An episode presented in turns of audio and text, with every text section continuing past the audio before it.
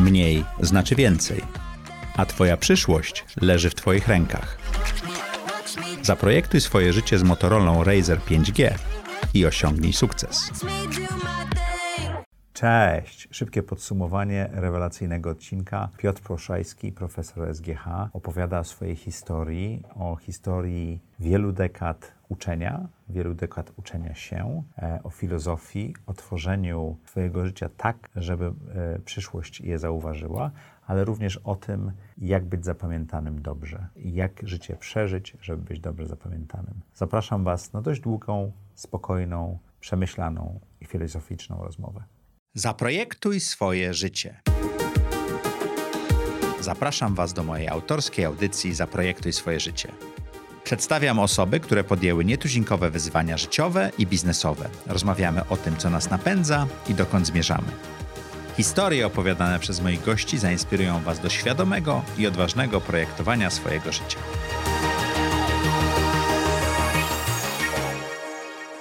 Cześć, witajcie w audycji Zaprojektuj swoje życie. Jak co tydzień w czwartek o czwartej zapraszamy dla Was interesujących gości. Ja jestem Maciej Filipkowski, a dzisiejszym gościem jest Piotr Proszajski. Piotr Proszajski. Piotrze, witamy Cię bardzo serdecznie. Dzień dobry. Dzień dobry. Profesor SGH i z e, olbrzymią historią i doświadczeniem. Co widać? Olbrzymią historię i doświadczenie. No dobrze.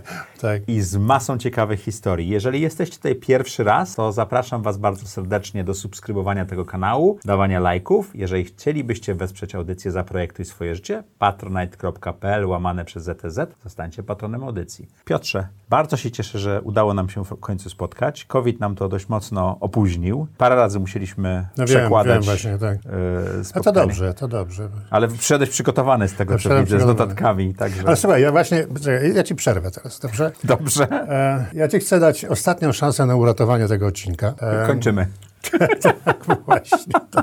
Słucham Ciebie. Wychodzę dzisiaj z domu i moja żona pyta, Piotrusiu, gdzie idziesz? No to mówię właśnie, że idę na, taką, na taki słynny podcast i ona mówi, a o czym to jest? A, ona mówi, a, a ja mówię, zaprojektuj sobie życie. I ona mówi, Boże, Piotrusiu, co to? Przecież ty nie masz o tym pojęcia, ty nigdy tego nie robiłeś, co ty tam będziesz mówił? Więc ostrzegam cię tylko, że, że są obiektywne miary tego, że ja nie umiem odpowiadać na to pytanie, co to będziesz mi stawiał pewnie. To dobrze, to zadam Ci inne pytanie w takim razie, skoro już tak się bronisz. To jaka jest historia Twojego życia? Historia mojego życia polega na nieplanowaniu życia. To może i to, ja, ja, ja teraz To jak można stać trochę, się... trochę, trochę przejmę ten, e, od ciebie to kierowanie tą audycją. Wcale mnie to nie dziwi, Dobrze? Bo ja się muszę do czegoś przyznać. Jak, jak ty y, powiedziałeś mi tam już wiele, tam jakiś czas temu, jak to było, że będziesz to robił i zacząłeś to robić, to ja teraz mogę powiedzieć uczciwie, że, że miałem do tego niezwykle sceptyczny stosunek e, z dwóch powodów. Ambiwalentny czy sceptyczny? Sceptyczny. E, nie, nie, miałem sceptyczny. Nie, nie, Okej. to jest, mi- miało być szczerze, tak? Tak? Więc sceptyczność polegała na tym, że ja sobie myślałem, kurczę, na czym polega w ogóle ten pomysł? No pomysł jest taki, że tak jak powiedziałeś przed chwilą, zapraszasz, za wyjątkiem mnie, ale zapraszasz ciekawych ludzi,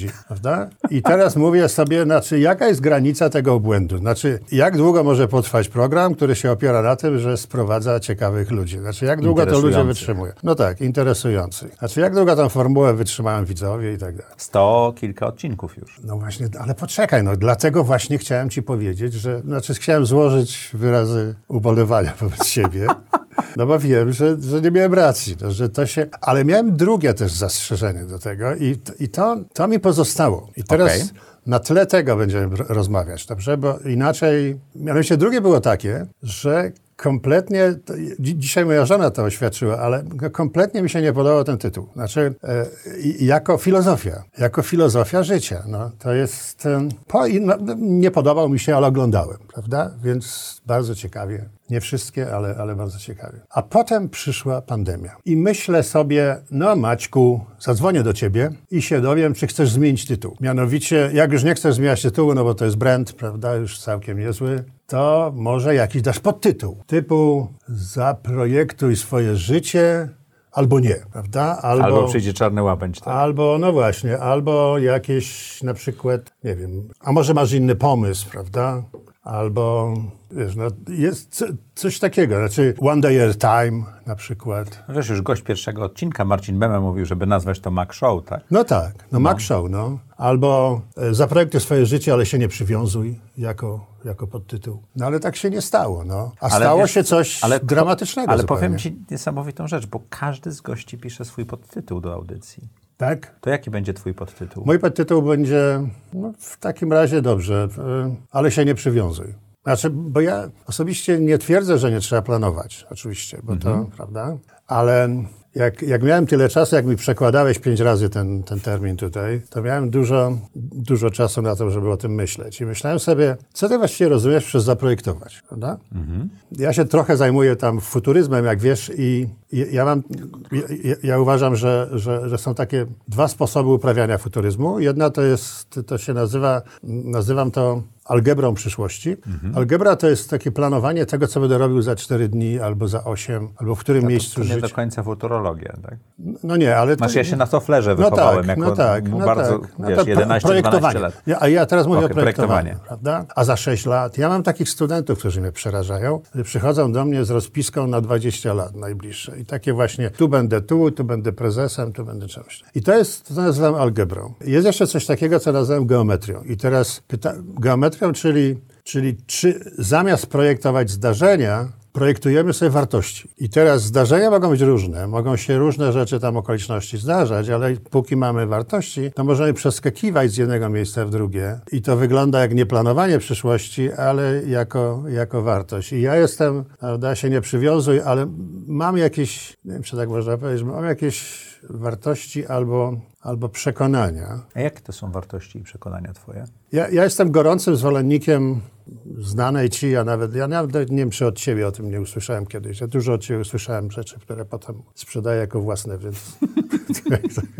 taki, takie moje ulubione pojęcie jest serendipity, prawda? Takie szczęśliwe przypadki. I teraz ma, moje życie, jak patrzę na nie wstecz, mam już kawał, kawał historii do, do opowiadania, to, to jest właśnie takie trzymanie się jakichś, no takich pryncypiów, żeby tam, to zabrzmi banalnie i wytnij to potem, że to tam, żeby być porządnym, żeby być miłym dla ludzi, żeby tam... Czemu to jest banalne, żeby być porządnym miłym dla ludzi? No dlatego, że wszyscy tego sobie mówią, a robią co innego, więc może, może dlatego, że... To że nie jest, bo banalne to wtedy No tak, no, jest... no banalne w tym sensie ludzie tego Obłudne, używają. że- że obłudnie o tym tak, mówią, tak? Tak, tak, tak. Znaczy całe moje życie polega na tym, żeby rozpoznawać szczęśliwe przypadki, może tak. Czyli wystawiasz te ręce, żeby to serendipity, to, to te, te No przypadki tak, no bo to wpadły do tych... się zdarza, to coś się przypadki Ale, się ale, ale trzeba ca- mieć wyciągnięte po nie ręce, sztuka, tak? tak. I dlatego mówię, że pod tytułem o mnie jest się nie przywiązuj. Znaczy planuj, ale się nie, czy tam projektuj, ale się nie przywiązuj. Ja ci mogę powiedzieć, jak zostałem uczonym. To, to mnie bardzo interesuje, bo w- ja wiem, że ty w kabarecie w hybrydach y, miałeś początki. Znaczy w hybrydach nie, bo ja byłem w Łodzi. To byłem w, o, przepraszam, w Łodzi, w, tak? tym, ta, w tych w siódemkach. Ale z tak Pietrzakiem chyba, tak? Nie. Nie, jeszcze nie. No, Pietrzak się tam gdzieś kręcił, ale... To jeszcze nie. To jeszcze nie. No właśnie, to jak z kabaretu zostać profesorem? No, no właśnie, serendipity i, i, i, wiesz, ja kończyłem jakąś tam szkołę, znaczy ogólniak, potem się nie dostałem szczęśliwie na Politechnikę, do tej pory nie wiem, na, na, na chemię przemysłową. Ale to rozumiem, że to był ten szczęśliwy przypadek w twoim przypadku. No to był po prostu niezwykle szczęśliwy, ponieważ ja do dzisiaj nie wiem, dlaczego zdawałem na chemię Ale, ale przemysłową. przepraszam, nie dostanie się na uczelnię z perspektywy dekad Po prostu jest... rewelacja. Ale w tym momencie to był dramat, jeżeli Nie, ja, nie, siebie. ja nie, nie, nie mam dramatów, jak coś się nie dzieje, co sobie, co sobie zaplanowałem, pod warunkiem, że mam kolejną możliwość, więc to, Okej. wiesz, to tak. Nie, nie, to w ogóle nie był dramat. Było wesoło. Do dzisiaj nie wiem, dlaczego zdawałem. Są pewne podejrzenia, że zdawałem dlatego, że uczyła nas w chemii cudnej urody chemiczka. Ruda do tego. Więc to dało, ogromne to miało dla mnie znaczenie. Okej. I poszedłem na tę chemię, nie zdałem, ale Politechnika jest tam przy takiej dużej ulicy. Ja po drugiej ulicy, jak wziąłem dokumenty z Politechniki byłem z przyjacielem, który też nie zdał, tośmy przechodzili koło technikum włókienniczego i patrzymy, jest ogłoszenie, że są, wtedy były takie studia, Państwowa Szkoła Zawodowa, czy coś tam, jakieś takie, takie dwuletnie technikum włókiennicze. No Czyli tam, pomaturalne. tak, takie, tak. Aha. I poszliście do E, I poszliśmy i z, zostałem technikiem, to zabrzmi proroczo, wykańczalnictwa.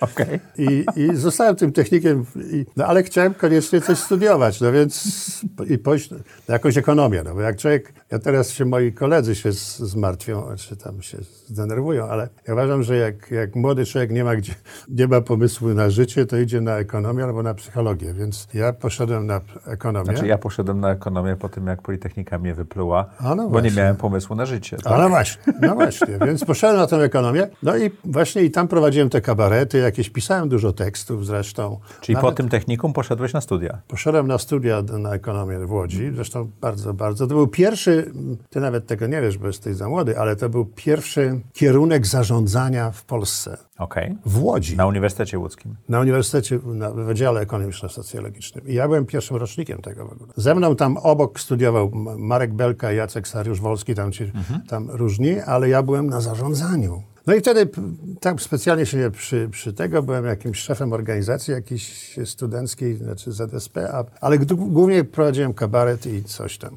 i pisałem teksty. I w ogóle jak myślałem o przyszłości, to myślałem sobie, że przecież co może być piękniejszego w Łodzi, stolicy e, przemysłu tekstylnego, niż technik, włókiennik, wykańczalnik i magister ekonomii. Idealne No połączenie. po prostu idealne. No, będzie, będę dyrektorem. Okej. Dyrektorem jakiejś fabryki I to była twoja ambicja? Nie była ambicja, tylko tak sobie myślałem, że A, coś to tak była ta stanie. wartość, ten kierunek, Taka który wartość. No, no, no, jak, jak mam być czymś, no to, To dyrektorem. no to dyrektorem. No Taki to- był serial, nie wiem, czy pamiętasz, dyrektorzy. Tak, byłem, pamiętam, tak, tak. No więc chcę myślę spokojnie, nie myślałem o przyszłości, bo i tak będę dyrektorem. Mhm. Takie naprawdę miałem takie podejście. Takie- Ja wiem, że to głupio. I teraz uwaga, jest, sceneria jest taka, że jest czerwiec, cudnej, cudna pogoda. ja miałem plany na wieczór, nie będę ci w obecności Państwa opowiadał, jakie młody człowiek, jak jest piękny dzień, ma plany na wieczór. I wychodziłem ze szkoły i spotkał mnie mój promotor. Pisałem wtedy pracę magisterską, pierwszą w Polsce o takim amerykańskim słynnym y, likercie, czy tam lajkercie, Renzisie. I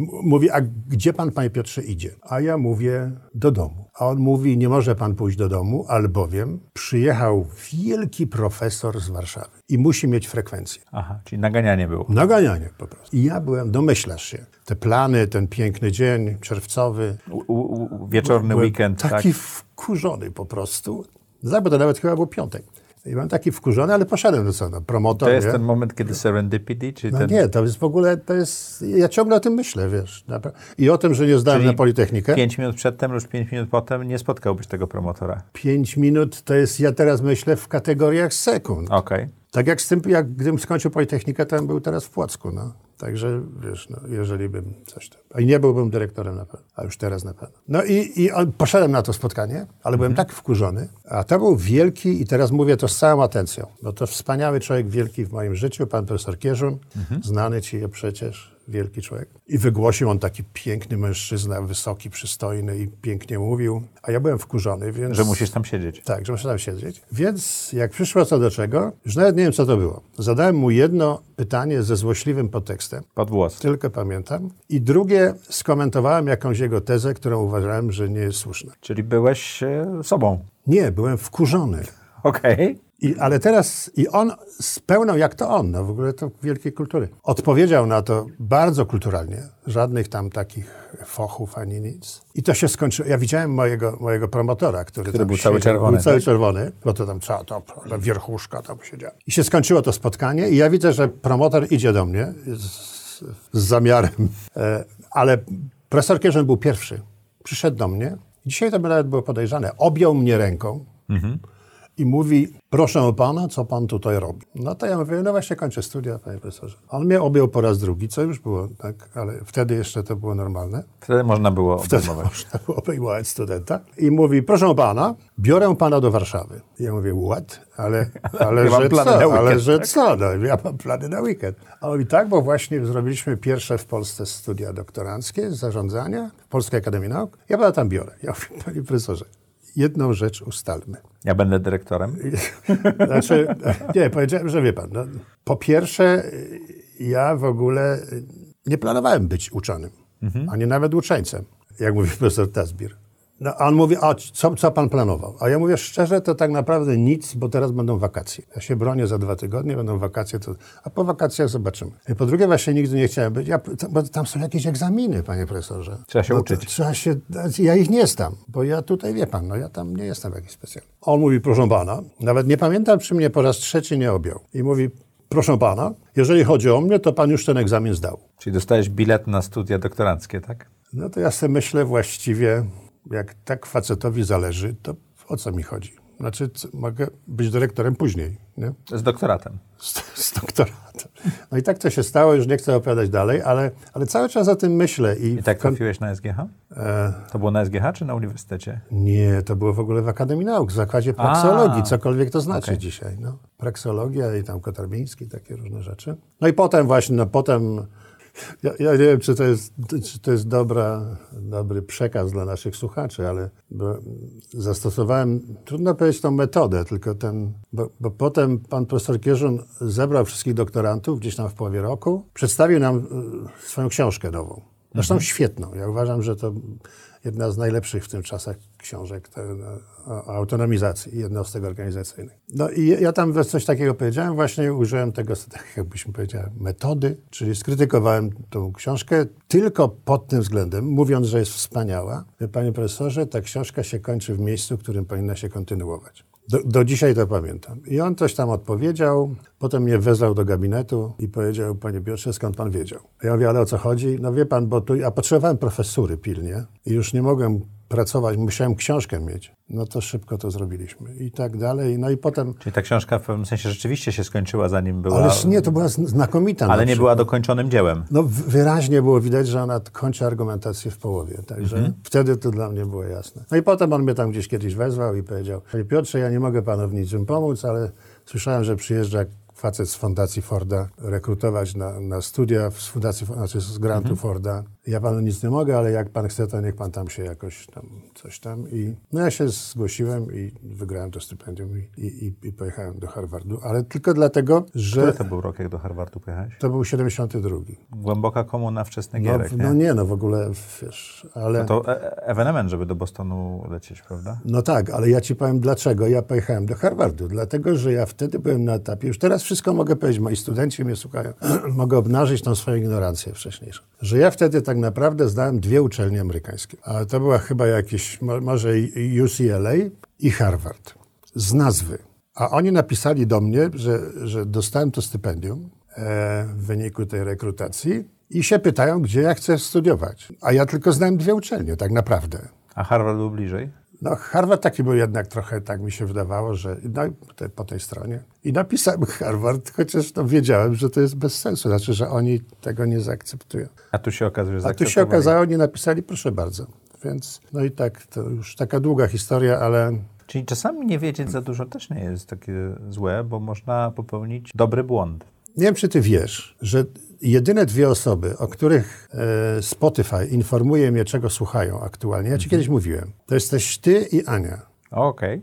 Ja mam To musisz więcej osób dodać w Spotify. Ale ja nie, ja, patrz, ja mam w czasie realnym wiem, czego ty słuchasz. To Więc straszne. prawda. Ja słucham dużo jazzu, Dzisiaj rano był Miles Davis. tak? Ja pamiętam, to, mówiąc o tych, o tych błędach, które popełniasz, o tych, ja strasznie lubię to powiedzenie Billa Evansa, takiego pianisty znanego ci, który powiedział kiedyś, że to, to nie jest problem, jak, jak zagrasz fałszywy dźwięk. Mhm. Fałszywą nutę. fałszywą nutę. Ważne, żebyś wiedział, jaka jest następna dobra. I ta znajomość tego, jaką zagrać nutę po tym, jak się zagrało fałszywie, jest e, To nawet nie chodzi o to, że dobra, tylko ta fałszywa może być początkiem czegoś zupełnie początek nowego. czegoś zupełnie nowego, absolutnie. I to A to on był? Ja myślałem, że to Davis powiedział.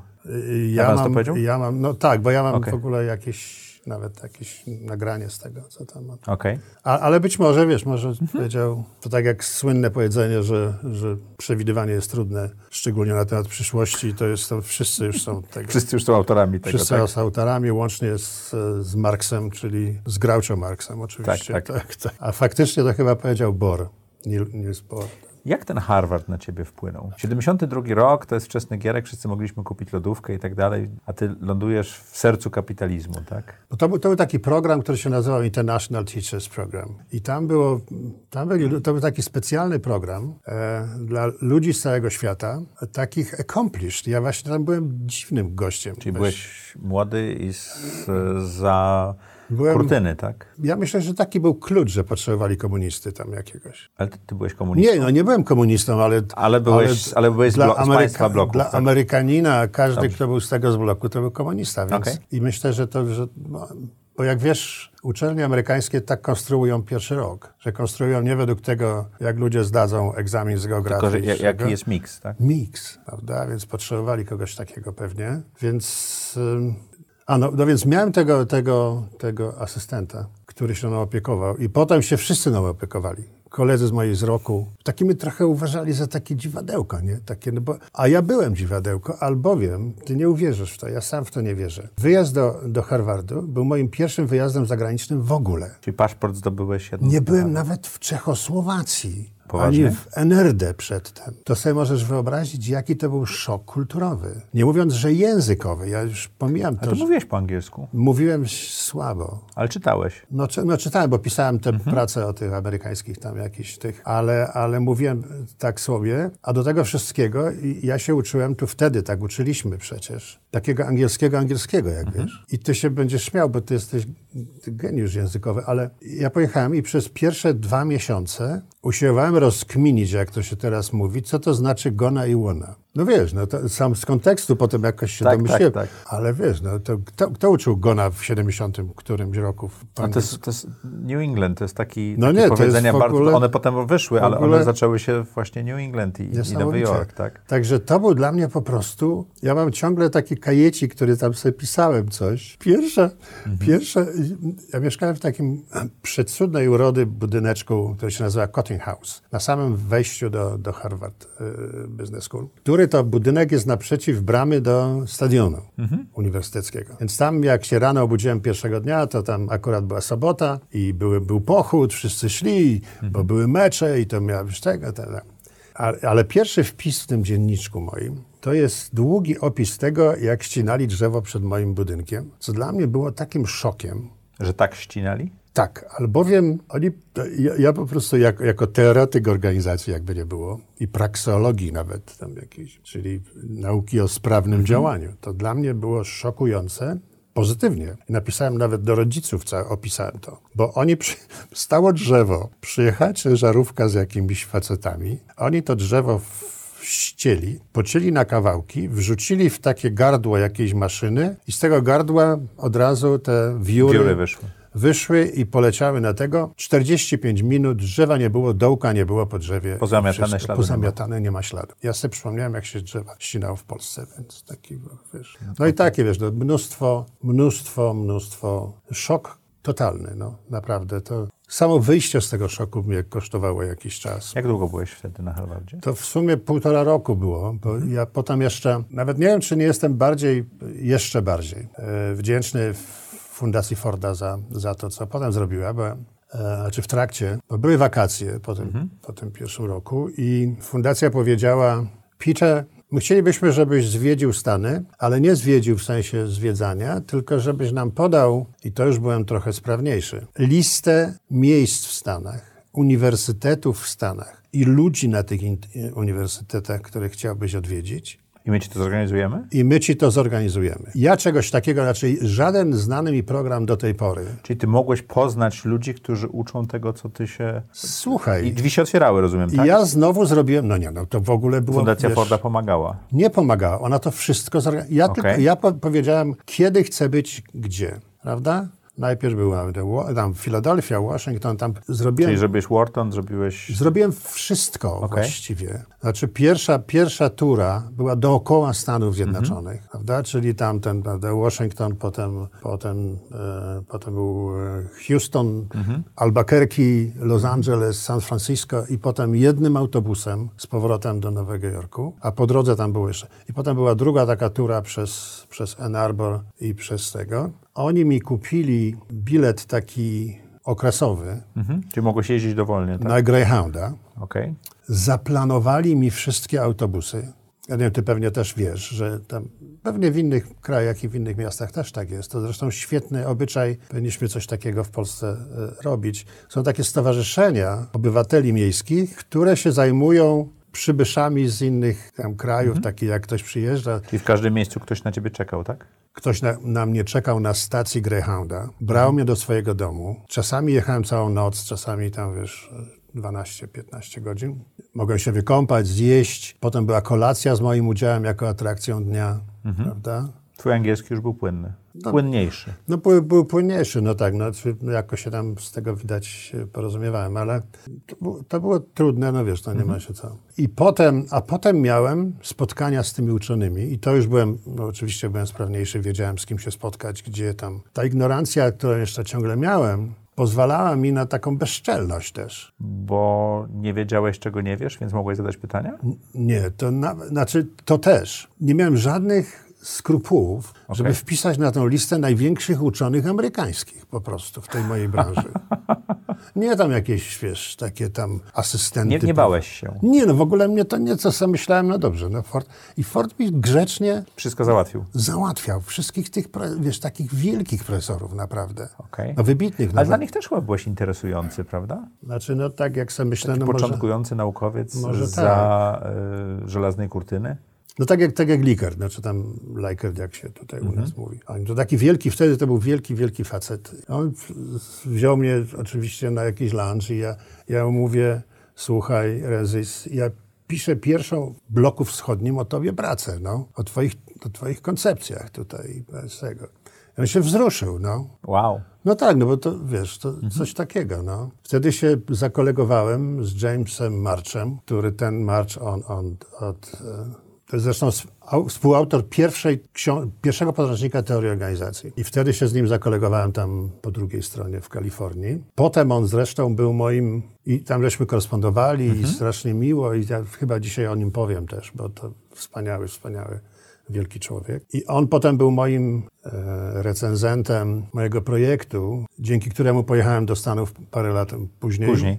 Tym razem do MIT właśnie. właśnie. Nie wybierałeś takich słabszych uczelni, wybierałeś tylko te topowe, tak? No właśnie nie, to, to, już był, to już był świadomy wybór MIT?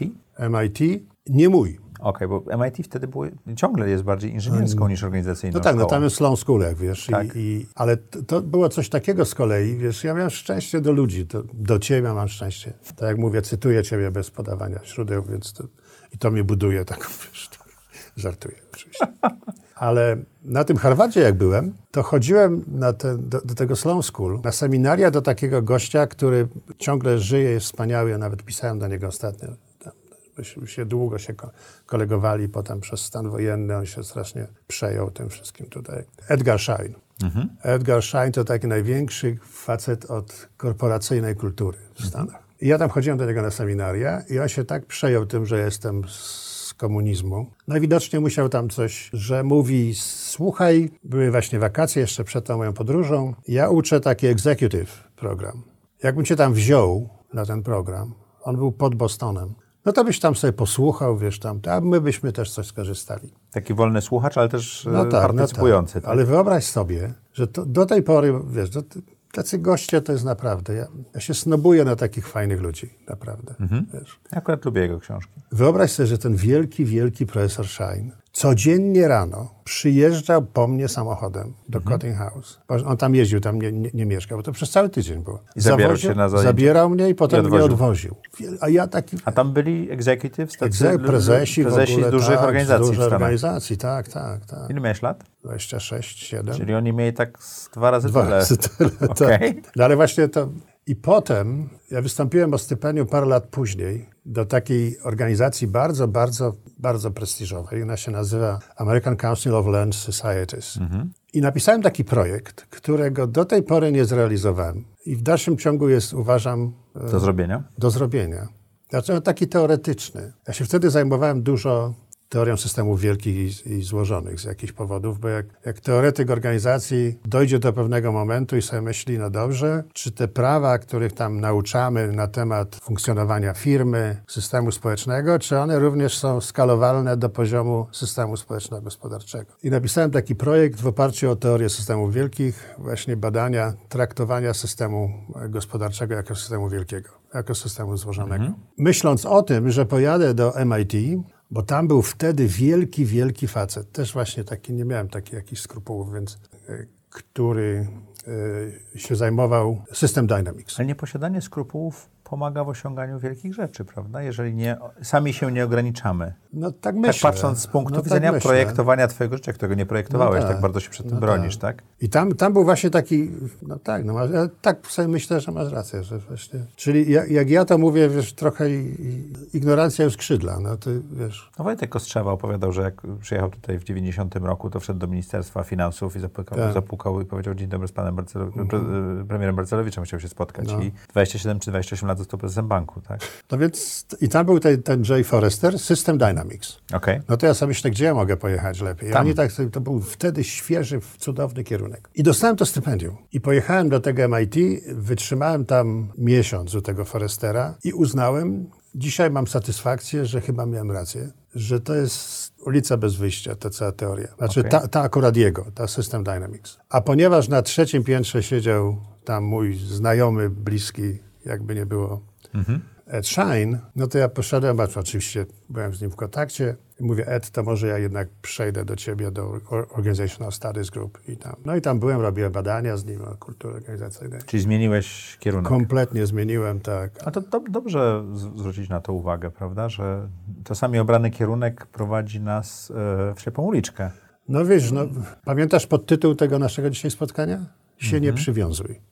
I to jest właśnie to. Tak, ja ciągle uważam, że ten mój projekt jest fajny y, i on jest bardzo mocno rozpisany na hipotezy, na różne tam takie. Ale, się nie przywiązuje. ale się nie przywiązywałem do tego, bo wtedy Edgar Schein był Piotrze, Piotrze, chciałem cię zapytać ciekawą dla mnie rzecz niesamowicie, bo wróciłeś najpierw po półtorej roku, potem po kolejnym stypendium do tej komunistycznej Polski lat 70., potem 80. już. już potem 80. Jaki to był powrót? To, to ścinanie drzewa tam, a to, że ktoś zwali drzewo i czeka się miesiąc, żeby w ogóle je wywieźć, tak? No tak, bo to po tym pierwszym pobycie ja byłem kompletnie innym człowiekiem. To, wiesz, to, Nau, nauczyłeś się nowej wszyscy- kultury, podróże ale w kształcą, ogóle tak? nauczyłem się dystansu i to, to ciekawe, że wszyscy na to zwrócili uwagę, że jak, jak taki jestem koleś, Wyluzowałeś. taki wyluzowany kompletnie i to Okej. ludzi trochę wkurzało, wiesz, no bo taki wyluzowany facet. Wyluzowanego ciężko wkurzyć, No nie? tak, bo jest ciężko, wiesz. Także ja, ja, ja czułem, że to w ogóle to zmieniło DNA prawie. Ten fragment tego odcinka powinieneś spędzić z moją żoną właściwie rozmawiając, ponieważ ja wróciłem z tego MIT,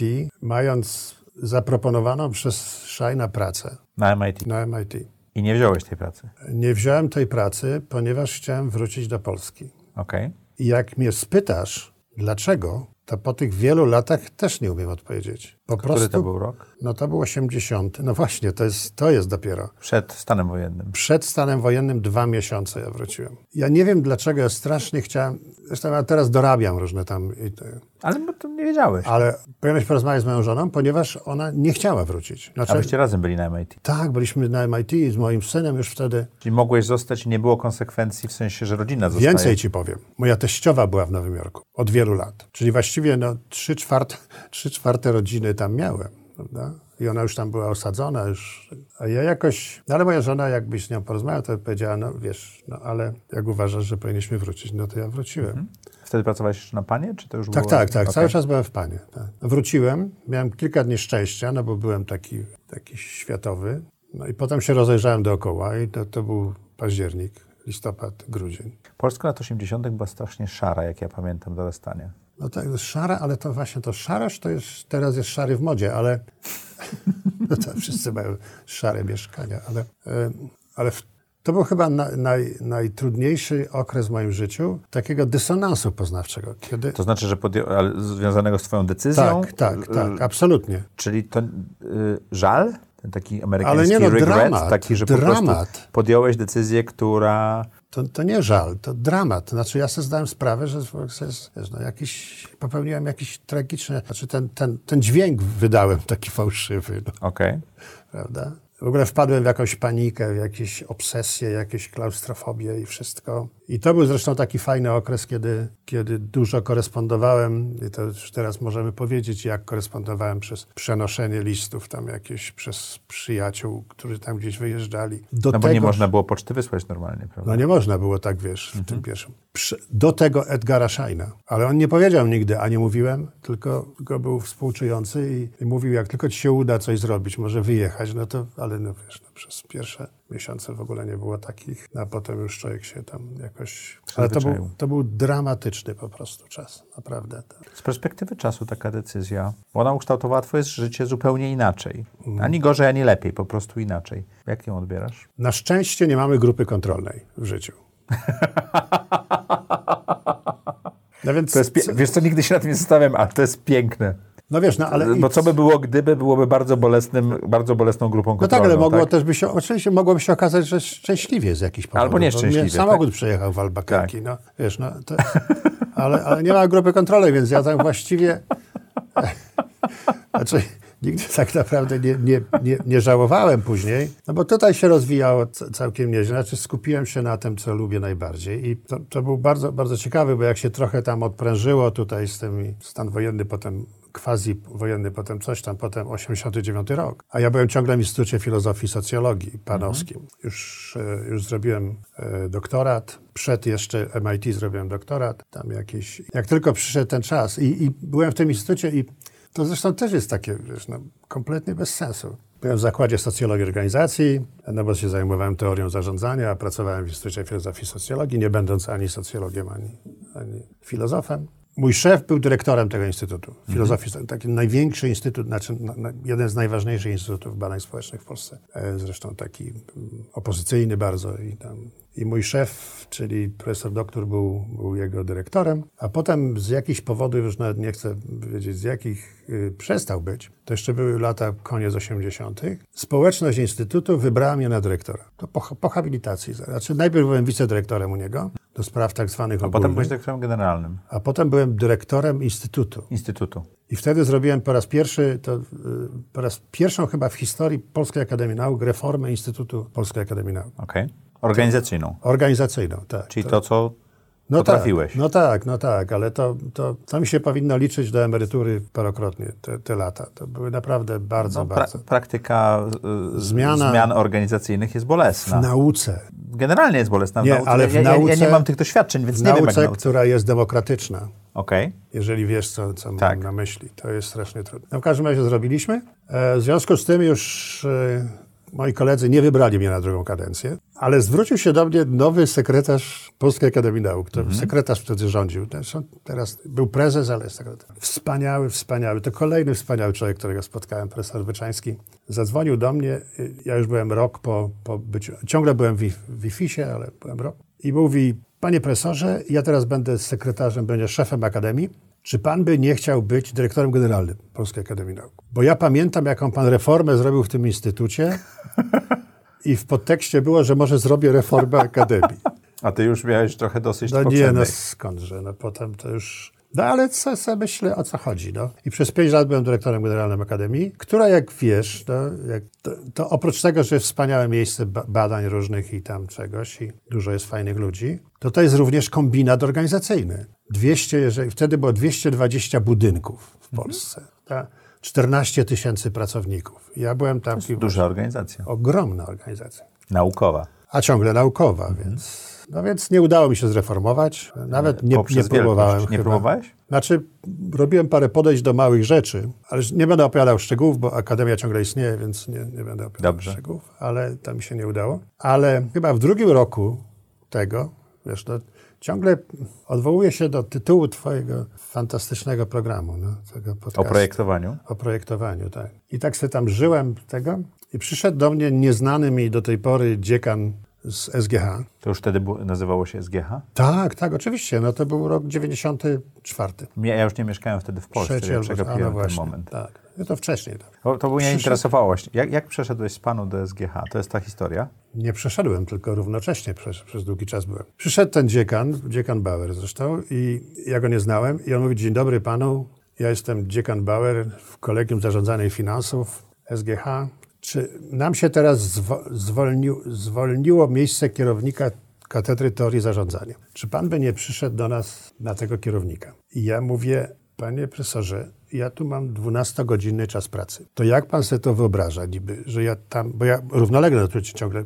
I on powiedział coś, co mnie przekonało, ciebie też by przekonało. On mówi, panie profesorze, chodzi nam o taki, takie duchowe przywództwo. No to panie dziekanie, jak duchowo, to ja mogę. Ale my, Od czasu nie mam. Wiesz, że za tym duchowym przywództwem jest dużo godzin później, tak? No właśnie, tak. I to była jedna z najlepszych rzeczy, która mi się w życiu zdarzyła, poza oczywiście rodziną i, i tobą może. No i tym I- przejściem w Łodzi w No i odpowiednim tym przejściem w momencie. odpowiednim momencie, ponieważ e, Akademia w dalszym ciągu uważam, że jest świetnym miejscem do, do pracy, ale ona ma jedną fundamentalną wadę. Ona nie ma studentów. A ja uwielbiałem uczyć. I uczyłem dużo tam na tych kursach, tam jakiś coś tak. A w, na SGH byli studenci. A na SGH były studenci, słuchaj. To jest w ogóle, to jest absolutnie nowy rozdział życia. To ja, uczenie, pamiętasz, kiedyś John, John Kennedy, taki e, jeden z tych Kennedy, ten co to latał tam samolotami. On kiedyś, pamiętasz, powiedział, że, e, że la, latanie to jest najlepsza rzecz, jaki mężczyzna może robić w ubraniu. To dla ciebie tak jest z, z wykładaniem, nauczaniem? Tak, dla mnie to jest, znaczy uczenie to jest najlepsza rzecz, jaką człowiek, no bo już teraz tam nie tylko mężczyzna może robić y, w ubraniu, więc to wspaniały, wspaniały y, okres dla mnie był i, znaczy jest ciągle, bo ja tam mnóstwo ciągle uczę, więc Czyli jesteś y, związany z SGH od y, 20, no tak, dwadzieścia parę lat. tak, Sześciu, tak, siedmiu tak, lat. tak, tak, niedługo 30. tak, tak. Trzy dekady. Jak zmieniali się studenci? Jak- na ten przekrój, bo to, Mhm. są, to, są, to jest pokolenie i, i ciut, prawda? Oni się przez pierwsze 20 lat, nie, może 15, się nie zmieniali. Czyli do 2010 roku było podobne? 2005 może tak. Okej. tak. A co się zmieniło po, po tym 2005-2010 roku? No, zmienili się dramatycznie. D- Dramatycznie jest słowem pozytywnym czy negatywnym? E, czy po prostu określającym? jednocześnie. Okej, określającym Tak, tak. amplitudę zmiany, tak? Bo z jednej strony to mi dało przywilej pracy, bo w ogóle SGH jest taki, no, że tam ściąga takich fajnych ludzi.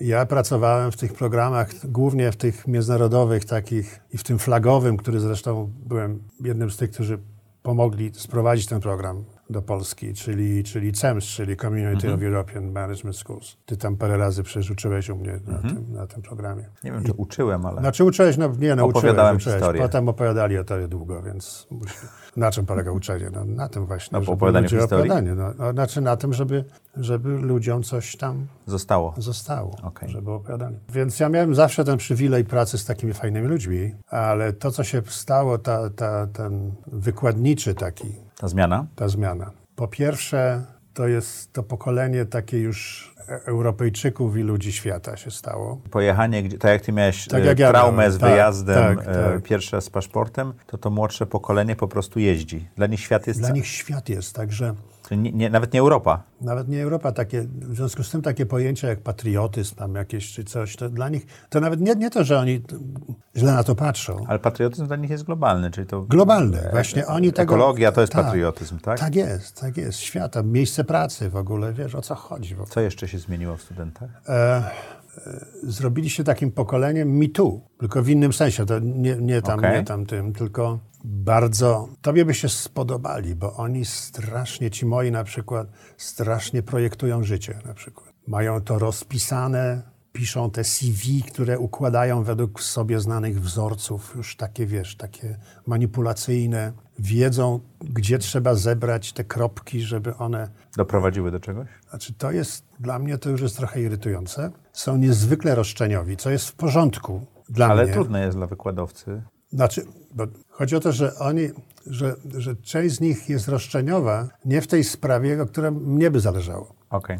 Nie tak, żeby więcej na przykład y, zdobyć wiedzy, tylko żeby właśnie, Przerwy były dłuższe? no nie, przerwy nawet nie, ale żeby właśnie, żeby, żeby funkcjonować w tym świecie takim swoim potem i potem, żeby z tego mieć przełożenie na, być może jestem niesprawiedliwy, ale, ale jestem pod wielkim wrażeniem tego pokolenia. Świetne języki, wiesz, no, doskonała znajomość świata i taka przebojowość granicząca z arogancją. A czy jak ten, ten moment przełomu, zmiany pokolenia, czy ty go zauważyłeś, czy to było płynne? To było płynne, ale wykładnicze. Także w ciągu kilku lat już w była ciągu wielka kilku zmiana? lat była wielka, wielka zmiana od czasu. Ja zresztą uważam, że program Erasmus jest, kto wie, czy na, nie największym osiągnięciem Unii Europejskiej. To, że studenci mogą jeździć do różnych krajów i poznawać te kultury i tak dalej? No co? właśnie, to jeździć to jest jedno, ale prawda, mindset, czyli, Czyli poznawanie innych wartości, innych ludzi, praca w zespołach międzynarodowych, gdzie, gdzie narodowość kompletnie nie ma znaczenia, wiesz, i tak dalej. No to jest, To To wspaniałe, jest to pokolenie, które za chwilę będzie rządziło Europą, wspaniałe prawda? pokolenie. Naprawdę, jeżeli, jeżeli to oni będą rządzić Europą,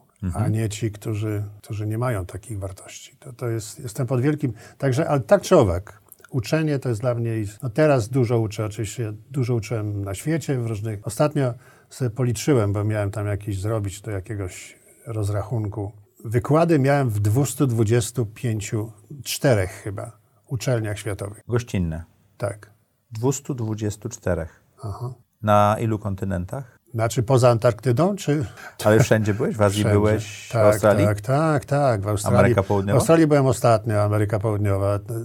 Stosunkowo najmniej, ale ja dużo uczyłem w Japonii na przykład, dużo w, w, w Ameryce oczywiście, w, tam, w tych Mhm. wszystkich tam tych miejscach. Wracam do tej, do tej historii, bo ona była ważna. Jak się, jak się zrobił 89 i zostałem tym, tam, tym dyrektorem instytutu, no to natychmiast chciałem odświeżyć te nasze kontakty Instytutu z Amerykanami, które były zablokowane przez stan wojenny.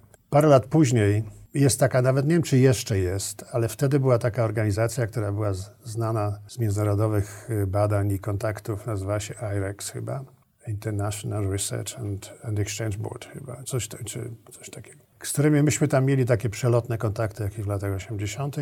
Jak tutaj się u nas zmieniło w 89, ja ciągle byłem dyrektorem IFIS-u, to z, z, wydałem sobie delegację i pojechałem do Stanów, do IREX-u. Wszedłem tam, znałem tych parę osób, powiedziałem im, że przyjeżdżam.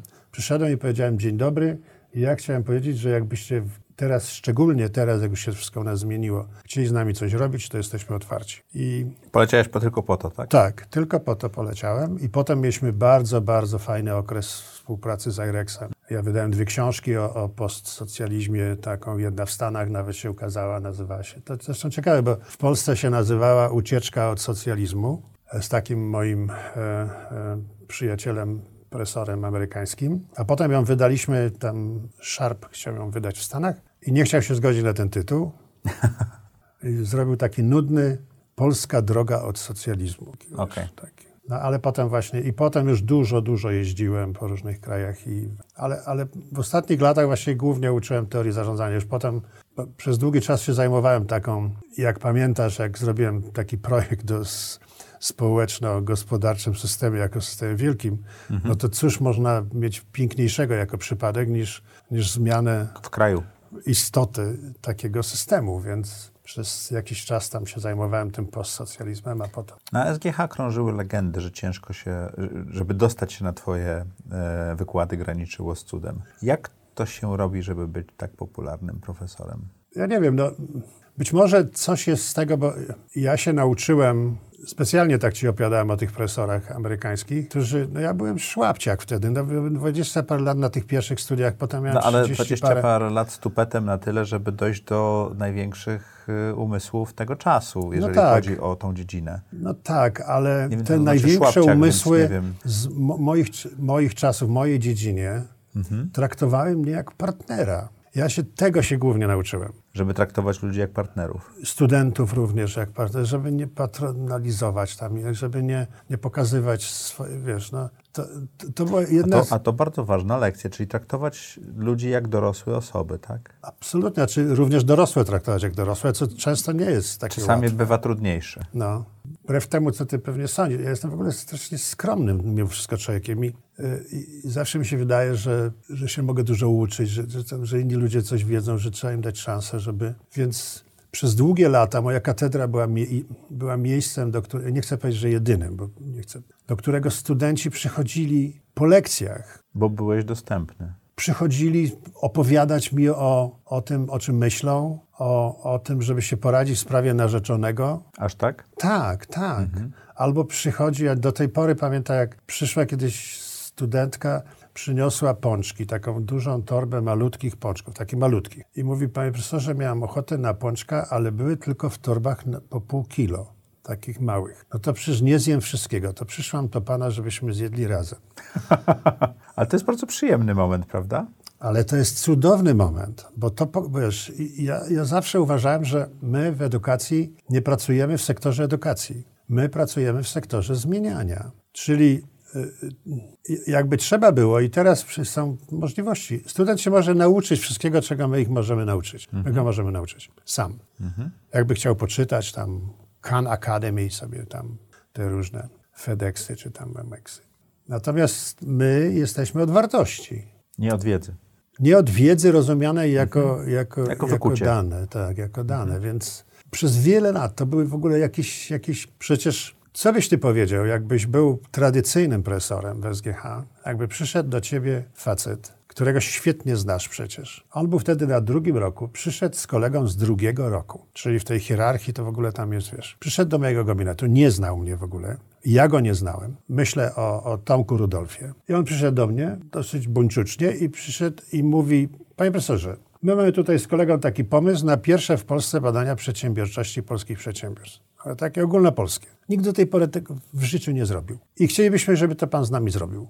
Normalny człowiek, profesor by pomyślał, koleś, no co ty, no przecież... Jakbyś miał doktorat A metodologia, a chi kwadrat, a wiesz, a Okej. kiedy brałeś statystykę, wiesz, no. I oni to wszystko zaprojektowali, i zresztą ja to oczywiście się włączałem w to bardzo, ale wszystko to zrobili. Zrobili fenomenalny model biznesowy tych badań. To dla ciebie powinno być fajne, bo to zrobić badania to nie jest problem. Mhm. Co z znaczy nimi jest główny problem. później, tak? Nie, ale model, by- żeby, żeby mieć pieniądze, żeby firmy chciały odpowiadać na, na, pytania. kwest- na pytania. Zrobili taki chytry, jak kiedyś ci opowiem, jak to Mhm. zrobili. Prawda? Chodzili do każdej kolejnej firmy i po, pokazywali mu listę tych firm, które chcą brać udział w badaniu. I ona rosła z każdym badaniem, więc kolejne firmy już nie miały wyjścia, bo tamte firmy jeszcze. Potem zrobiliśmy badania zarządzania wiedzą ogólnopolskie. Pierwsze w Polsce. Też Tomek z tam z tego.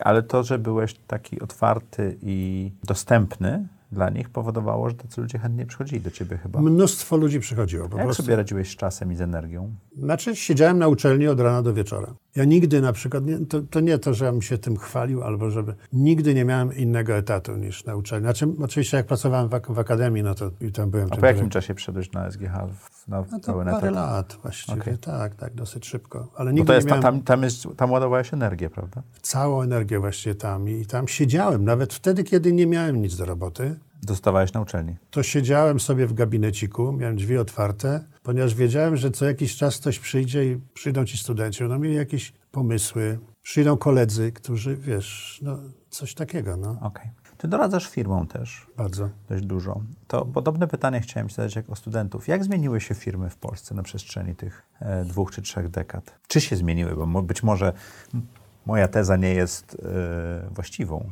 Znaczy ja mam znowu, właśnie nie wiem, czy mam, czy mam e, dobrą próbę badawczą, Ale to bo lepszą niż ja. Znaczy w tym sensie, że, że ja jakoś miałem też szczęście, że, że zawsze pracowałem z fajnymi firmami. Mhm. To jak się fajne firmy w Polsce zmieniły? Żeby tylko skończyć to zdanie, że y, nigdy mi się na szczęście nie zdarzyło, żeby przyszła do mnie firma, która miała problemy. Bo ja bym wtedy się nie sprawdził to, to, to tak, no. A jak Okej. przychodzi firma, która jest generalnie jest fajna, ale twierdzi, żeby chciała porozmawiać, a to co, a przedstawić coś, aby chciała posłuchać komentarza i może coś z tego wyniknie.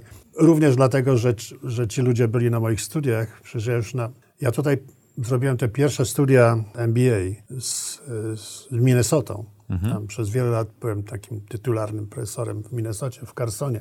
E, I tutaj zrobiliśmy tą łębę, tą Warsaw Executive MBA. No więc e, nie wiem, czy ty wiesz, że Magda Dziewguć, nasza wspólna, wielka, wielka, wspaniała e, Była w programie. przyjaciółka. No wiem, wiem, przede mną także. Ale ja się nie, nie, mam do ciebie pretensji, bo uwielbiam Magdę.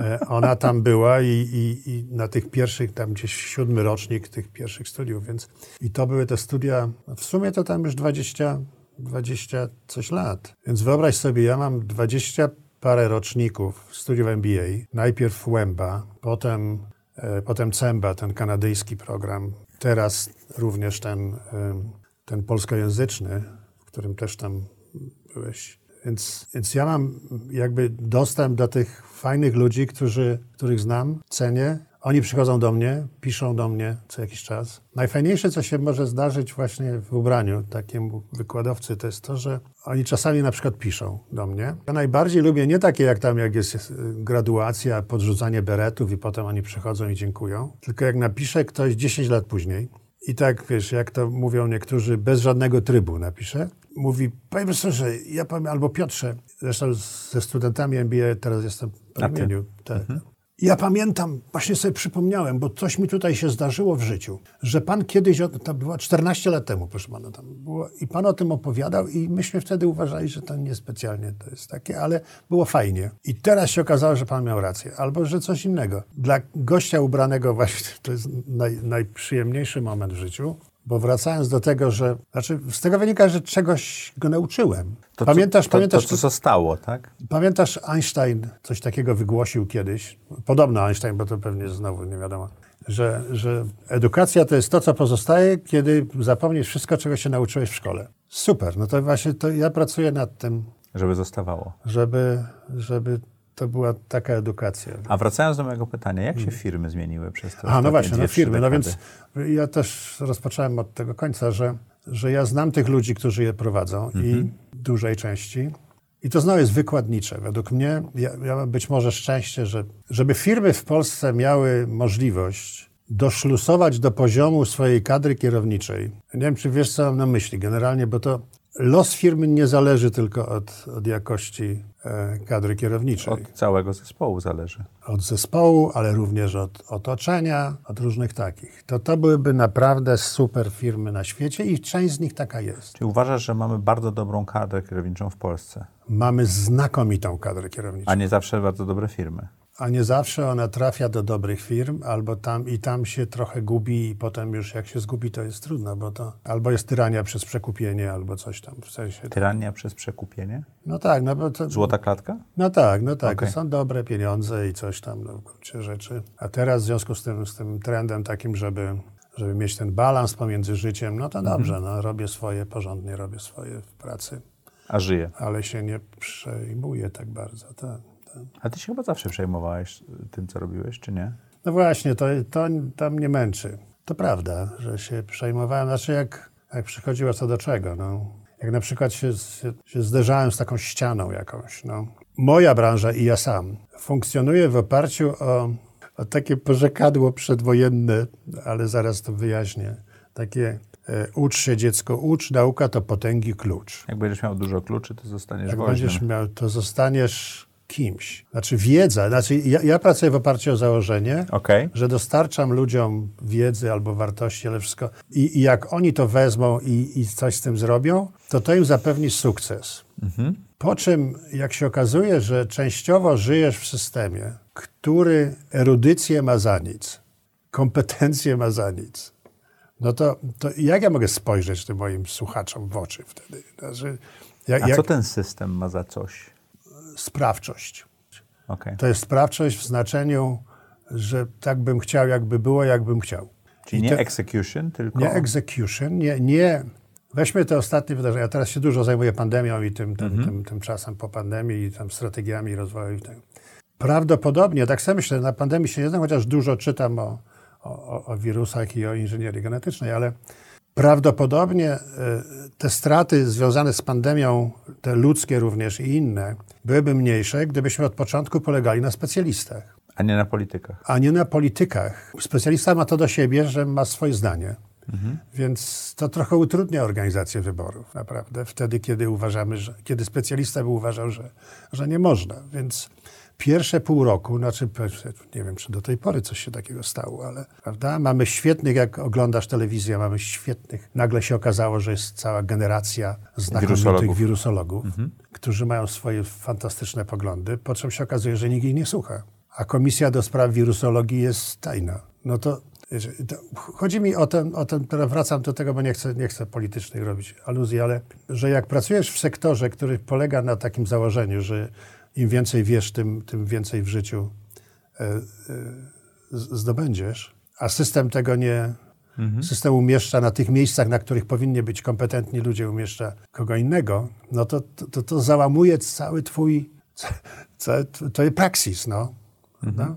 Chciałem o futurologii troszeczkę z Tobą porozmawiać i o systemie edukacyjnym, bo on jako taki w tej chwili bardzo się zmienia. Jesteśmy na początku tych zmian. No, pięknie to nazwałeś, że płynnie, ale ge geometrycznie. I chyba mamy właśnie taką zmianę, płynnie, ale geometrycznie. Wykładniczo. Przepraszam, płynnie, ale wykładniczo, tak. E, Mój, mój, mój angielski się czasami Tak, tak, wkrada. tak, tak. Płynnie, ale wykła- wykładniczo następuje zmiana systemu edukacyjnego na świecie. E, Czy tak jest? To byłaby moja teza. No studia, pytanie, czy studia są aż tak ważne, jak były 50 lat temu na przykład, bo ta wiedza jest bardziej dostępna raczej. Znaczy tak, ja, ja, się, ja się zgadzam, zgadzam się. Przy czym ja bym tego nie nazwał, że to jest zmiana systemu edukacyjnego, tylko zmiana sposobu, w jaki ludzie się uczą. To, to jest, bo, bo system edukacyjny to jest taki trochę rozumiany jako to szkoły albo coś tam, Okej, wiesz. To w okej. tym sensie, rozumiem. Dobrze, to ma- masz rację, zgodzę się z tobą. Absolutnie, to, absolutnie. To jest, to jest w ogóle fundamentalna rzecz. Mianowicie, jak dawniej by, były te szczeble edukacji i edukacja uniwersytecka to było apogeum edukacyjnego przeżycia. A potem już tylko była praca i tam, Odsetek, tak. jeśli nie tysięcy lat, tak? Więc, a teraz to tak nie jest. Znaczy, ja, ja nawet czuję taki ból, pewnie nawet trochę swój, nie będę, nie będę się, a również moich kolegów w nauce pracujących i w edukacji, że oni trochę to źle odbierają, no bo jak pracujesz w sektorze, który jest centrum życia przez wiele takiego, wiesz, no, Przez wiele dekad. no to przez wiele dekad, no to jest fajnie. A potem nagle się okazuje, że ludzie nie tak bardzo cenią tę edukację, również wyższą, że czują, że, że mogą to inaczej, że Że mają też dostęp do, do, do wolnej Właśnie wiedzy, o, te, o, tak? tym, o tym mówię, że my na przykład, nie, nie mamy, pewnie mamy badania, ale tak po, mogę powiedzieć z, z mózgu, że znakomita większość naszych absolwentów licencjatu, jeżeli nawet studiuje dalej, to pracuje. I te studia magisterskie już są takie wtedy kiepściutkie, no bo już wtedy już się dzielić trzeba ten czas.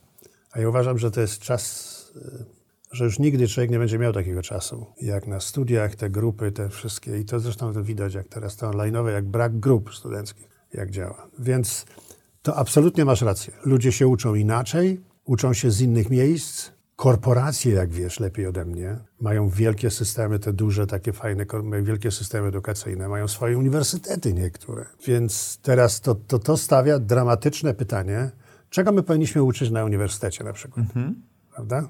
No, raczej nie wiedzy, No właśnie, właśnie a, a nie modeli myślenia, modeli myślenia, sposobów zdobywania wiedzy. sposobu filtrowania wiedzy, bo w tej chwili Otwartości. wszyscy pijemy przecież z węża strażackiego, taka ilość informacji na nas wpływa. Absolutnie. A informacja to nie wiedza, tak? Absolutnie. Poza tym e, myślenia krytycznego. To To jest po prostu, nadmiar ważne. to jest nadmiarowo ważne po prostu. A my tego nie uczymy. No, uczymy, no, sam, uczymy oczywiście tam, tam, każdy ma swój przedmiot. Znaczy ja niezmiernie ubolewam na tym, że szkoły, szczególnie w Polsce, znaczy szczególnie. Ja dużo uczę za granicą i to jest, w niektórych krajach jest podobnie, ale zobacz, jak my mamy dyscyplinowo zorganizowane nauczanie. No. Czyli są te katedry, tam jakieś, jakieś departamenty, czy coś tam. Tu jest rachunkowość, tu jest coś tam, tu jest makro, tu ekonomia. U nas jest ekonomia pierwsza Ale, ale w tej druga. chwili rozwój jest bardzo interdyscyplinarny na świecie, Ale prawda? gdzie masz? No na świecie.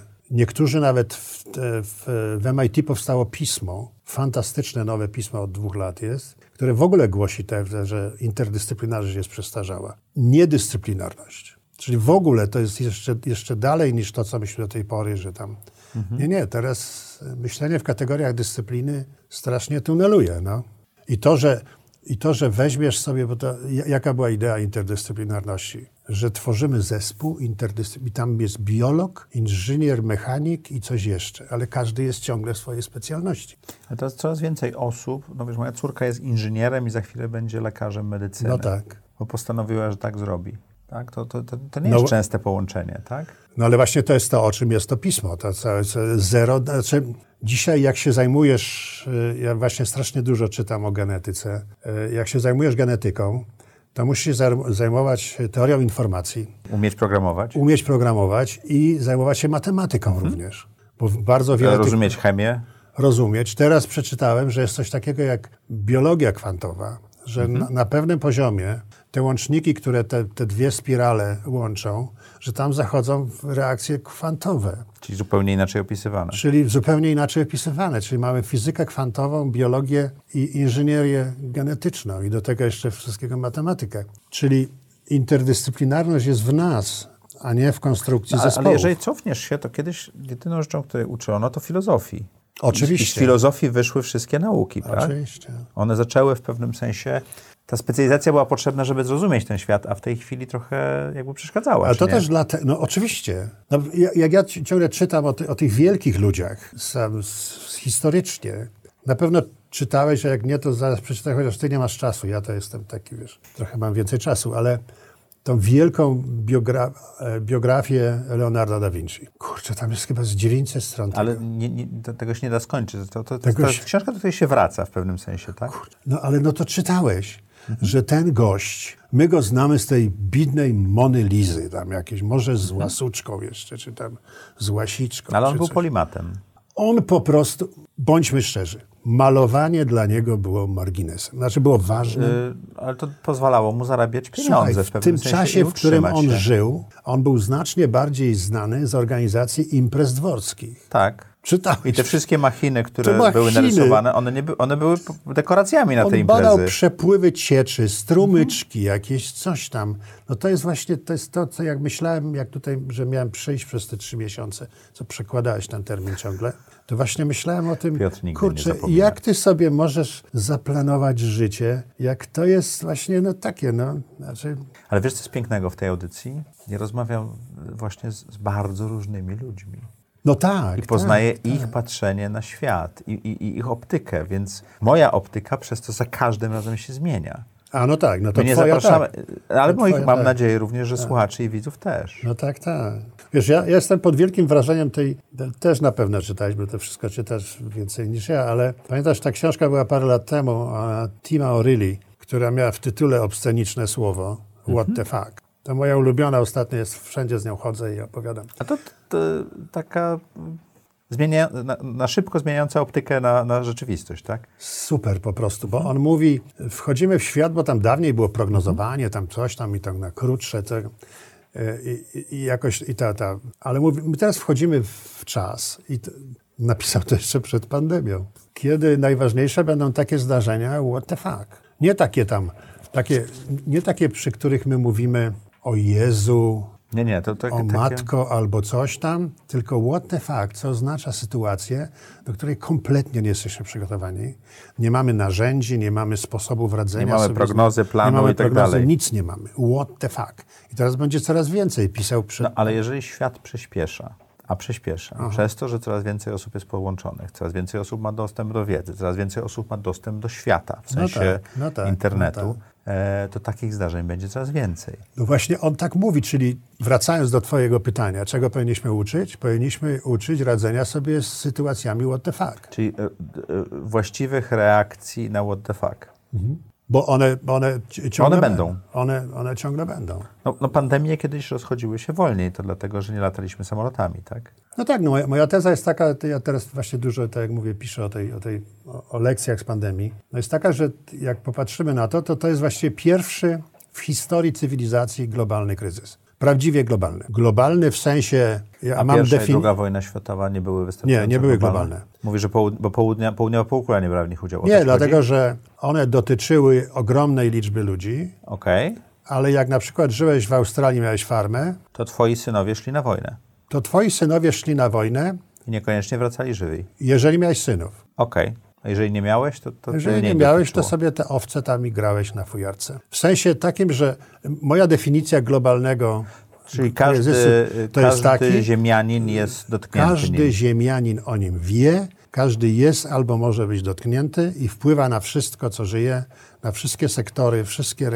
tak. Takiego kryzysu nie było. Na wszystkich poziomach, na wszystkich sektorach i, i wszyscy o nim wiedzą i wszyscy mogą być I, I w rok, w niecały rok, nie, w- to, nie w rok, tak? No w rok, no trochę... Cztery miesiące bił całą planetę, tak? Tak, Sześć. no Sześć właśnie. miesięcy powiedzmy.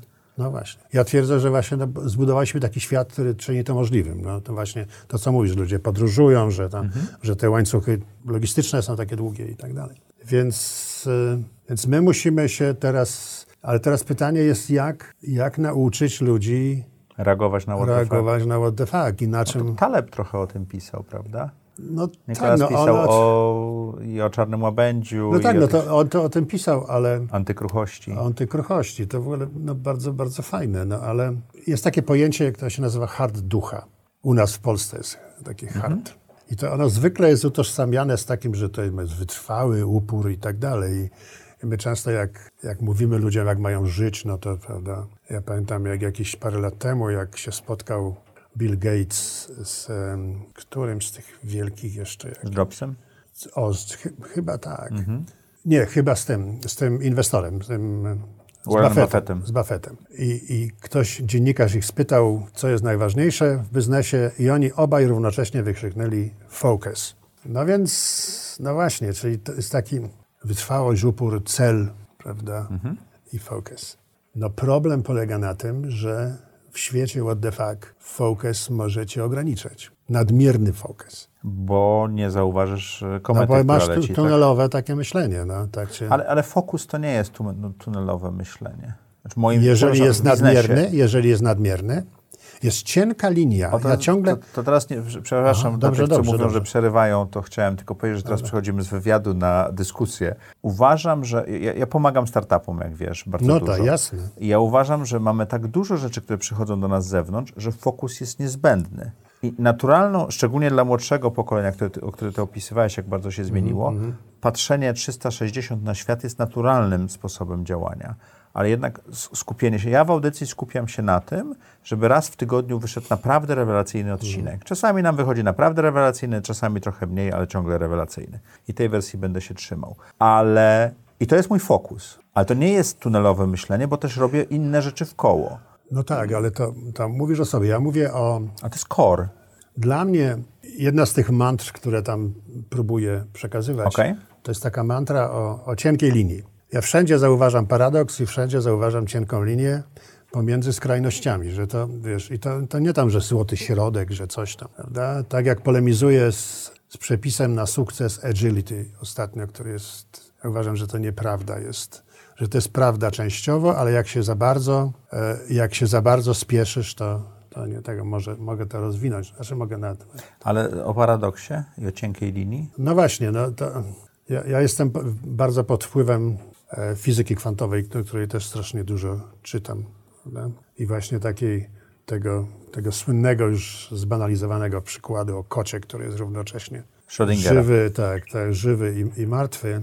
Ja mam takie wrażenie, że myśmy na przykład w zarządzaniu przez wiele, wiele lat nauczyli, uczy, uczyli ludzi o jednym kocie tylko. Na przykład, to stąd się wzięła ta wielka popularność takich teorii, które wyjaśniały kierownikom i menedżerom, jak odnieść sukces. Zero- Zero-jedynkowo.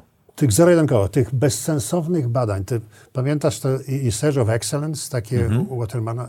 Ale te wszystkie firmy, które później on pokazywał, zupełnie.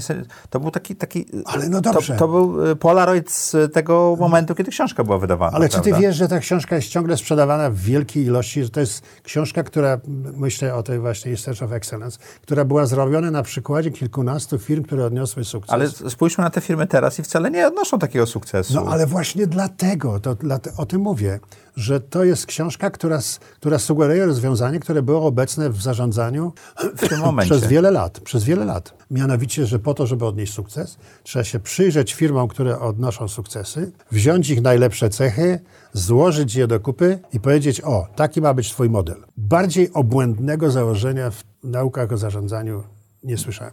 Ale na tym jest oparte, zobacz, teorię przywództwa. Ja prowadzę osobistą krucjatę przeciwko księgarniom lotniskowym. Teraz, teraz mają e, duży problem. Tak się... No to chwała Bogu. Jak tam byłeś na pewno przez tysiąc razy, jak, jak spojrzysz pod tym, z tego punktu widzenia, to są tak, krótkie romanse na dwugodzinny lot w Europie, tam trzy Tak. godziny. Jak być bogatym w pół godziny? I potem są takie właśnie, i potem są książki kucharskie, i potem są takie właśnie z naszej branży. Zostań menedżerem e, w trzy weekendy. To leży ko- około Zostań surferem w trzy weekendy, więc to tak, wiesz, takie... Albo jest na przykład, moja ulubiona książka to jest Cztery proste sposoby na pokonanie światowej recesji, prawda? Czyli, i myśmy tak uczyli przez długie lata, tych, tych że, że są jakieś modele takie. Ale e, to, czy to nie jest tak, że modelowanie, czyli upraszczanie rzeczywistości pomaga ludziom zrozumieć tę rzeczywistość? Do pewnego momentu. A potem przeszkadza A oczywiście. potem przeszkadza. No to cała idea właśnie taka, kiedy ja przychodzę do tych studentów, do tego MBA, mówię, słuchajcie, to, to nie jest tak. To, zarządzanie jest paradoksalne. Potrzebuj, oczy, potrzebuje, e, oczywiście potrzebuje otwartości, szaleństwa i tak dalej, ale potrzebuje reguł, przepisów, sztywności, być może nawet hierarchii jakiejś, prawda? Potrzebuje integracji pracowniczej, ale jak ona jest za duża, to już nie jest, prawda? Ja mówię, to jest dla was, to jest bad message, ponieważ inaczej wy tutaj przychodzicie oczekując recept, a ja mówię, nie, nie, nie, to wy dla każdego przypadku musicie sobie tą cienką linię, więc ile, ile potrzebujemy sztywności w organizacji, ile potrzebujemy... Ja, ja miałem kiedyś takie szkolenie e, w Delu, pamiętam, które to jest a propos edukacji. Mhm. Została e, po nim bardzo silna myśl. Uczyli właśnie o paradoksach, czyli dobry customer service i e, No niskie tak, koszty, no wysokie tak, marże. no tak, no To jest tak. paradoks. I oni uczyli bardzo mądrze, że paradoksów się nie rozwiązuje. Aha, Paradoksy można, paradoksami można tylko zarządzać. super. Że jeżeli jedziesz tym rozpędzonym bolidem, to nie o to chodzi, że być super na prawo i iskry idą, czy super na lewo i iskry idą, tylko starać się być właśnie, jeżeli na przykład koszt i jakość obsługi, to, to wie- wiele takich paradoksów mamy w życiu też, tak? Zaangażowanie w pracę i czas z rodziną na przykład. Jeżeli jesteśmy w obu miejscach, obu, obu miejsca kochamy, jest pewnym paradoksem, który jest ciężko rozwiązać. E, że paradoksami się zarządza, a nie je rozwiązuje, bo one z natury nie są rozwiązywalne. No to ja mam właśnie też teraz taką tezę, że zarządzanie przez długi czas za cel miało zbudowanie idealnego systemu działającego. Ja A twierdzę, taki że... system nie istnieje. No nie istnieje, oczywiście, że nie istnieje. To też ja uważam, że lepiej jest przyjąć taką wersję, że zarządzanie dzisiaj polega na zarządzaniu niedoskonałościami organizacyjnymi. Czyli zarządzanie polega na zarządzaniu niedoskonałości, Niedoskonałościami. bo, niedosko, bo doskonałości można sprocesować, tak? No tak, a niedoskonałości Trzeba nimi zarządzić. trzeba nimi zarządzić. Czyli to, to, to, paradoksami. jest, to jest to co, to, co mówisz, prawda? No to mamy tytuł odcinka. No.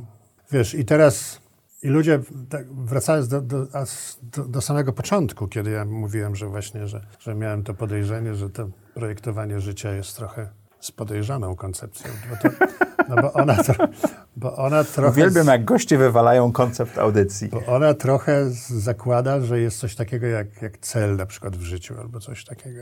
I, i to ja nie chcę, nie chcę zmienić. Ale do pewnego wieku mamy cel w życiu, nie? Ale nie, no mamy, no właśnie. No tylko pamiętasz podtytuł dzisiejszego odcinka? Nie Tak. przywiązywać się do niego za bardzo, bo to y, i, i my, to, to oczywiście ja nie chcę podejmować tego wątku, bo on jest strasznie na, na takim poziomie makrofilozoficzny. Czy życie ma sens, czy nie ma sensu, Mhm. takim co ma, czy, czy to jest, innymi słowy, czy, czy to, co się dzieje, to jest projekt, czy to jest wynik tam tych chaotycznych... symulacja. Czy, czy, czy nawet symulacja, ale to wtedy też byłby cel. Natomiast ja myślę o takim, takim świecie kwantowym, w którym właściwie wszystko się może wydarzyć. Że kot jest zarówno żywy, jak i martwy Tak. w tym samym momencie. Mnie się, mnie się strasznie podoba ta metafora właśnie ta, tej, tej fizyki kwantowej, która się bierze z fizyki kwantowej. Pamiętasz i pamiętasz na pewno nasi, czy większa część naszych słuchaczy, że to, to zresztą cały, cały urok i, i szaleństwo tej teorii na tym polega,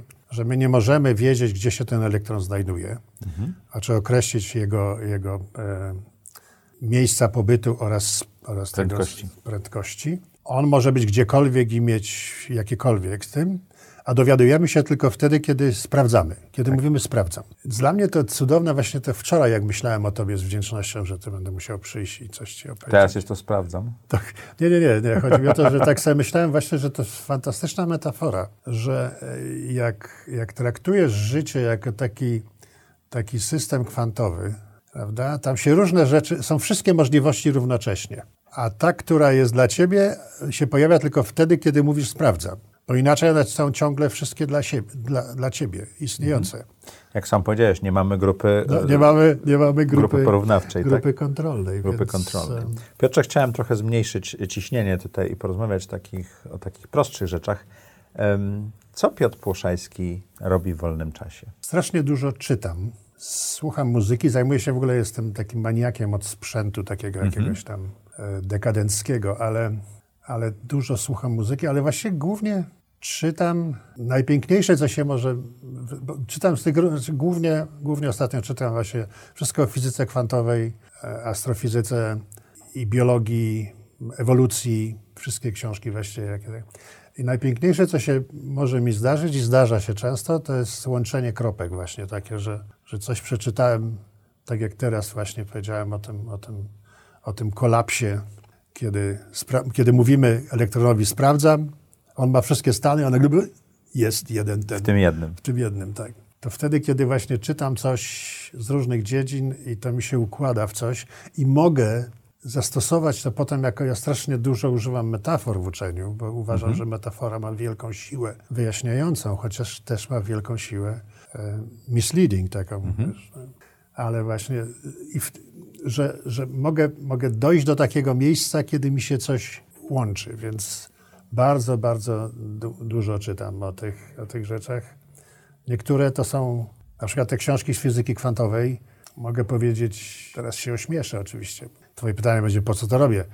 Ale ja połowy tego nie rozumiem. Może, E, To jesteś Może- lepszy niż ja, bo nie rozumiem dwóch trzecich. Ja autentycznie próbuję to czytać i zrozumieć. E, Przy czym jak Czuję już się przed- jak na pierwszym roku informatyki, gdzie no na właśnie, analizie ale matematycznej po prostu siedziałem i ja nie rozumiałem, co, e, czego się uczę. Ale potem nagle przychodzi taki moment, że czytam coś, kurczę, i wpadam na coś. I to się- i to się te kropki się tutaj łączą, cudowną, tak? po prostu nagle się to przekłada na coś. Na, także y, ja nie, nie, nie bardzo wierzę właśnie w taki, w taki cel życia, szczególnie jak czytam o, o ewolucji.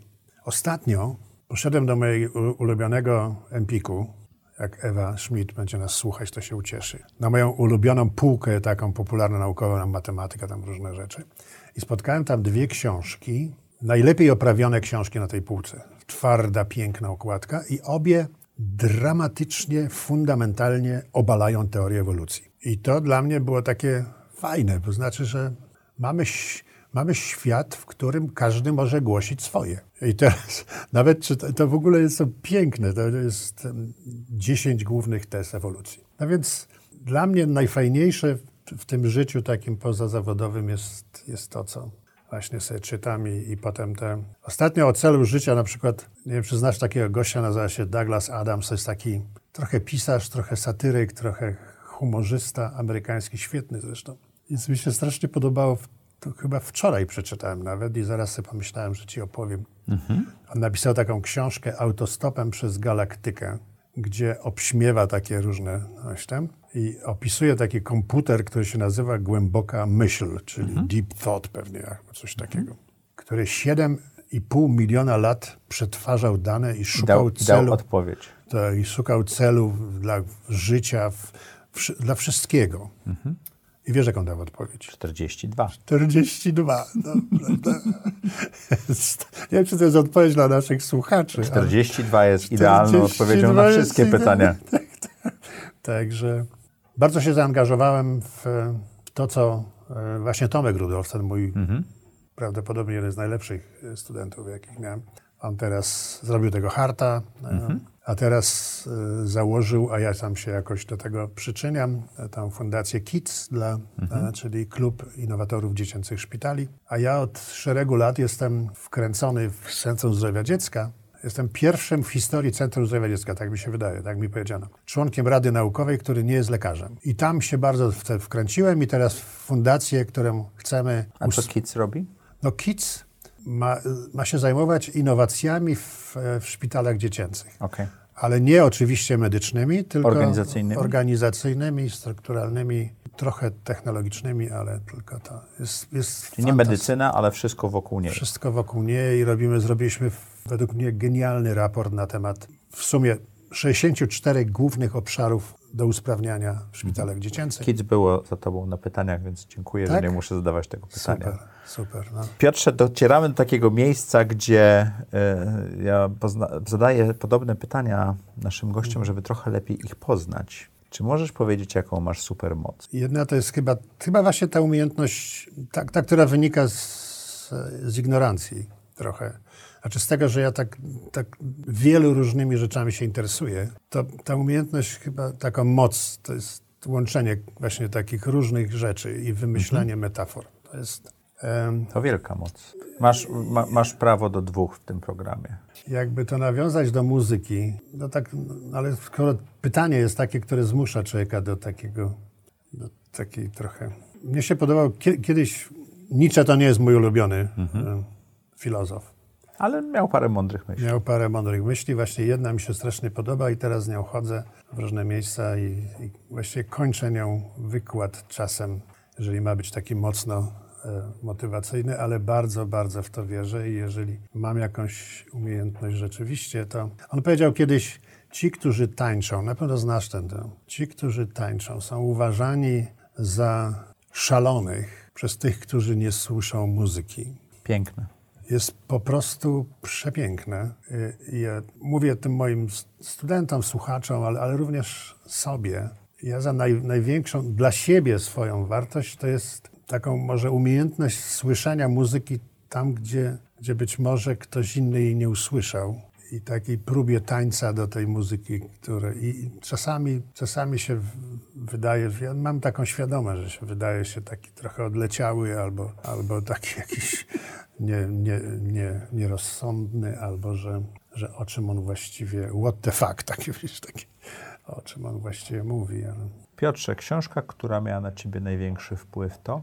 Ja ciągle o niej mówię i mówię o niej już nawet od 40 lat, może 35, bo to może aż tyle nie. Ja nie wiem, czy do ciebie dotarła taka, na początku pandemii zrobiliśmy w CIA Nocie, znaczy ja chyba rozpocząłem jakoś tak potem, taką, taki case, że, że różni ludzie zgłaszali swoje lektury na pandemię, no bo mieliśmy dużo do czytania i ja zgłosiłem taką listę całą takich moich ukochanych lektur, ale taką annotated, taką, że tam były książka, ale również dlaczego. Ja, ty widziałeś ją? Nie. Nie. To, to jest, znaczy bardzo, bardzo się To to... muszę do Krzysztofa napisać. Nie, nie, ja ci zaraz przyślę. Dobrze. Tam są bardzo różne książki. I nawet jest jeden klip muzyczny. Oszalały zupełnie. Napisałem do tej skrzypaczki, z której z klip podałem jako. Ale na początku to była taka książka, która się nazywa mojego ukochanego autora przez wiele lat. Historyka sztuki. Naj, nam by się podobał, znaczy oprócz tego, że jest, ponieważ to jest chyba e, historyk sztuki, który zrobił wielką karierę biznesową w jakimś sensie, ponieważ książki, które się nie mają prawa sprzedawać w dużych nakładach, on sprzedawał Okej. prawda? Nazywa się Gombrich. A ta książka, która na mnie zrobiła takie wrażenie, nawet chyba jest bardzo trudno ją dostać, nazywa się Sztuka i Złudzenie. I to jest książka, która w ogóle zmieniła mi myślenie o świecie. To jest taka książka trochę tam o psychologii sztuki, ale stawia sobie rewelacyjne pytanie, które wygląda na przygłupiaste. Dlatego jest takie fajne. prawda? Dlaczego sztuka ma historię? Ona jest, wygląda na przygłupiaste, ponieważ przecież my wiemy, dlaczego sztuka ma historię. Bo się urodził Caravaggio albo Picasso i oni tam zmienili kierunek tej sztuki i coś tam. Bullshit. On pokazuje na tych licznych przykładach potem, że jakby się nie urodził Picasso, to by się urodził kto inny. Jakby się nie urodził Caravaggio albo Czyli kierunek już się nadawał, tak? że mianowicie okoliczności przyrody, filozofię, myślenie, wartości, historia, zdarzenia w świecie i tak dalej, one doprowadzi, doprowadzają w pewnym momencie do, takiego, do takiej chwili, kiedy ktoś mówi sprawdzam da? I proponuje coś innego. Ja sobie natychmiast oczywiście postawiłem pytanie, które dręczy mnie od tego czasu. Dlaczego biznes ma historię? Czy dlaczego technologia ma historię? I też wcale nie jest dlatego, że się urodził Edison. Właśnie o to chodzi, że to że jest, jest to znane zjawisko, że, że ludzie w, różnych miejscach To odkrywają nie, to, to samo. nie musiał być Marconi, który wynalazł radio. bo To nie był jedyny To było Marconi. siedmiu, siedmiu Tak. facetów. Tak. Czy wiesz, że teorię ewolucji wymyśliło dwóch facetów? No. Tylko jeden y, opublikował ją Bo lepiej. drugi był chory i nie przyjechał na to seminar, takie historia, to Wallace. Mhm. Prawda? Więc to, to nie jest tak. Przyszedł taki moment, że, że coś się musi wydarzyć. Więc ja teraz patrzę na historię zupełnie inaczej, znaczy na, na, na różne rzeczy inaczej. Badam, co, jakie są te okoliczności. Znaczy, jak, jak badasz te okoliczności, to też możesz, i stąd też trochę, trochę się zajmuję przyszłością, no bo sobie myślę, no dobrze, to co, jaki może być następny krok po tym, co się wydarzyło? To serendipity, to, No to szczęśliwy traf jest y, w sensie ludzkości, nie osoby. No tak, ale serendipity, ale na przykład jest takie frozen accidents, prawda? Takie zjawisko, kiedy coś się, to znowu to jest Mhm. powiązane, że coś się wydarza. Dobrze, szerokość torów kolejowych. Jak już raz zrobiłeś te tory kolejowe, to, to, to już potem nie masz. To To zostaje. I teraz, czy, a może byłoby lepiej, jakby miały 3 centymetry, były szersze. Więc bardzo wiele się dzieje w historii takiego, że jest coś się, wiesz, coś się wydarza, Czyli z pozoru prosta decyzja determinuje determinuje później- potem właściwie. Więc ta książka jest po prostu odleciała. Jak, ona pokazuje, jak, jak się mylimy patrząc na Nie rzeczywistość. czytałem, to dodaję do swojej listy. Rewelacja jest to. Piotrze, co chciałbyś, żeby słuchacze i widzowie audycji Zaprojektuj swoje życie zapamiętali z tej rozmowy? To już ostatnia historia będzie. Nie wiem, Dobrze. pewnie ją wytniesz i wytniecie ją i. Czyli jeszcze nie zapamiętujemy tej historii, tylko następną? Nie, nie, nie, nie. Teraz Opowiedz historię. To, żeby, to, tak, ale to jest, to jest jedna z takich lekcji. Jak, jak byłem dyrektorem Instytutu Filozofii i Socjologii, to dyrektorem Instytutu Prawa z gabinetem piętro wyżej był jeden z ludzi, którzy na mnie, znaliśmy się parę lat w gruncie rzeczy, ale wywarł na mnie w ogóle jakieś wstrząsające wrażenie. Ja myślę, nauczył mnie pewnego myślenia i coś tam. To był profesor Łętowski, notabene mąż cudownej Ewy Łętowskiej. I tam myśmy się spotykali, robiliśmy różne projekty, różne coś tam. I to był cudowny, cudowny człowiek. Inteligentny, błyskotliwy, elegancki, przystojny do tego. Do, zawsze do różnych rzeczy mogę aspirować. Do tej akurat nie, ale dużo miał takich fajnych cech. I on kiedyś przy piwie, już nawet nie pamiętam, czy to było piwo, czy wino, powiedział mi coś, co pozostało ze mną na całe życie. Ja bym chciał, żeby to pozostało. I teraz powiem z pozycji człowieka, który, który ma już swoje lata. Bo ostrzegam Państwa, że kiedyś będziecie mieli Swoje lata. swoje lata. I lepiej, żebyście to zapamiętali teraz niż później. On mi to Okej. powiedział jakieś 20 parę lat temu. Tam przy tym piwie i mówi, słuchajcie Państwo, i mówi, Piotrze, prawa natury są nieubłagane. Każdy kiedyś będzie starym, głupim idiotą. I teraz mamy tylko taki wybór, że jesteśmy miłym, czystym, błyskotliwym, pogodnym staruszkiem, na którego widok studentki z końca korytarza przybiegają, mówią dzień dobry panie profesorze, jak miło pana widzieć. Albo będziemy zgorzkniałym, starym zgretem, którego wszyscy omijają na ulicy. I to, to już samo by to nie było takie odkrywcze, gdyby nie to. I to dla ciebie, znaczy dla ciebie to nie, bo ty to wiesz, ale no, też Oj, nie części naszych... Gdyby nie była druga część tej historii, tej, tej teorii. I on mówi, Piotrze, ja pracuję nad tą pierwszą wersją, bo nad tym, Piotrze, trzeba pracować. Trzeba żyć tak i teraz zaprojektuj swoje życie. Na początku pytałeś mnie o wartości. To jedna z nich jest taka, prawda? Ja codziennie rano wstaję, albo w każdym razie w ciągu dnia też, bo teraz mam trochę więcej czasu. Wstaję, coś robię, albo zdarza mi się jakaś sytuacja i sobie myślę, oho, czy to jest, znaczy w którą stronę idę? Ta sytuacja pokazuje, że idę w tą czy w tamtą stronę. Ja bym chciał jednak w tamtą. Mówisz, mówisz o tym, tym, jak jesteś postrzegany, tak? Tak, tak. Bo ja bym chciał być właśnie, i, i nad tym mówi, mówił profesor Łętowski, trzeba pracować. Więc ja niezmiernie, oprócz tego, że robię dużo innych rzeczy, to nieustannie pilnuję się, żebym, żebym był miłym, czystym, pogodnym, może nawet czasami interesującym facetem, który, który zbiera wokół siebie ludzi, którzy, który jest chętnie przyjmowany przez ludzi do swojego grona i tak dalej. Bardzo Ci dziękuję za tą rozmowę. To ja bardzo dziękuję. Jestem bardzo pod wrażeniem. A Was, jak co czwartek o czwartej, zapraszamy do audycji Zaprojektuj swoje życie.